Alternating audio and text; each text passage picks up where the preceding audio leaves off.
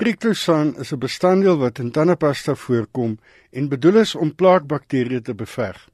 Een van die navorsers, die bioloog professor Steve Oliver van Cambridge Universiteit, sê triclosan was een van verskeie samestellings wat getoets is. So triclosan, if you check your toothpaste tube uh, this evening when you brush your teeth, uh, is in most uh, toothpaste and it's used to prevent the build-up of bacterial plaque on your teeth.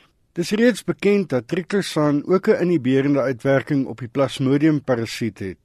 Dis die parasiet wat malaria veroorsaak.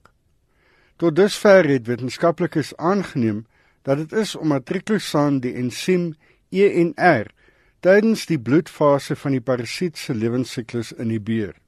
Maar dit is juis waar die robot Eve se ontdekking so belangrik is. So what we found in uh, the screens with Eve that what was being inhibited was a completely different enzyme called DHFR, which is a, a favored target for antimalarial drugs. So pyrimethamine, one of the most successful antimalarials, uh, hits uh, that enzyme, but resistance to pyrimethamine is now very prevalent. Oliver sê in die praktyk beteken dit 'n lewensvatbare middel teen malaria.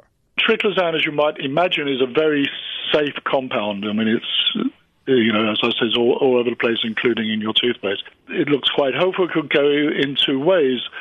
You know, we now have one compound, triclosan, which hits different enzymes at different stages of the malaria parasite's life cycle.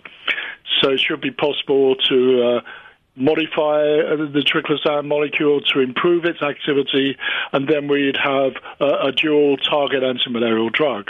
And the other hopeful thing, if this sort of dual action thing works, it will be make it much more difficult uh, for the malaria parasite to evolve resistance uh, to the triclosan derivative. Eve is nie net 'n tydbesparingsmeganisme nie.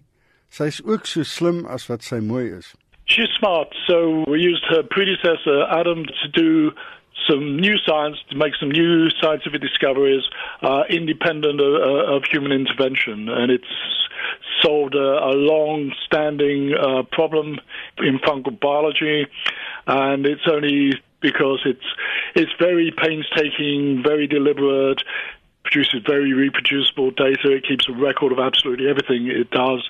And so, because there were, again, similar enzymes doing slightly different jobs, it was able to sort this out, whereas that had previously had defeated human scientists.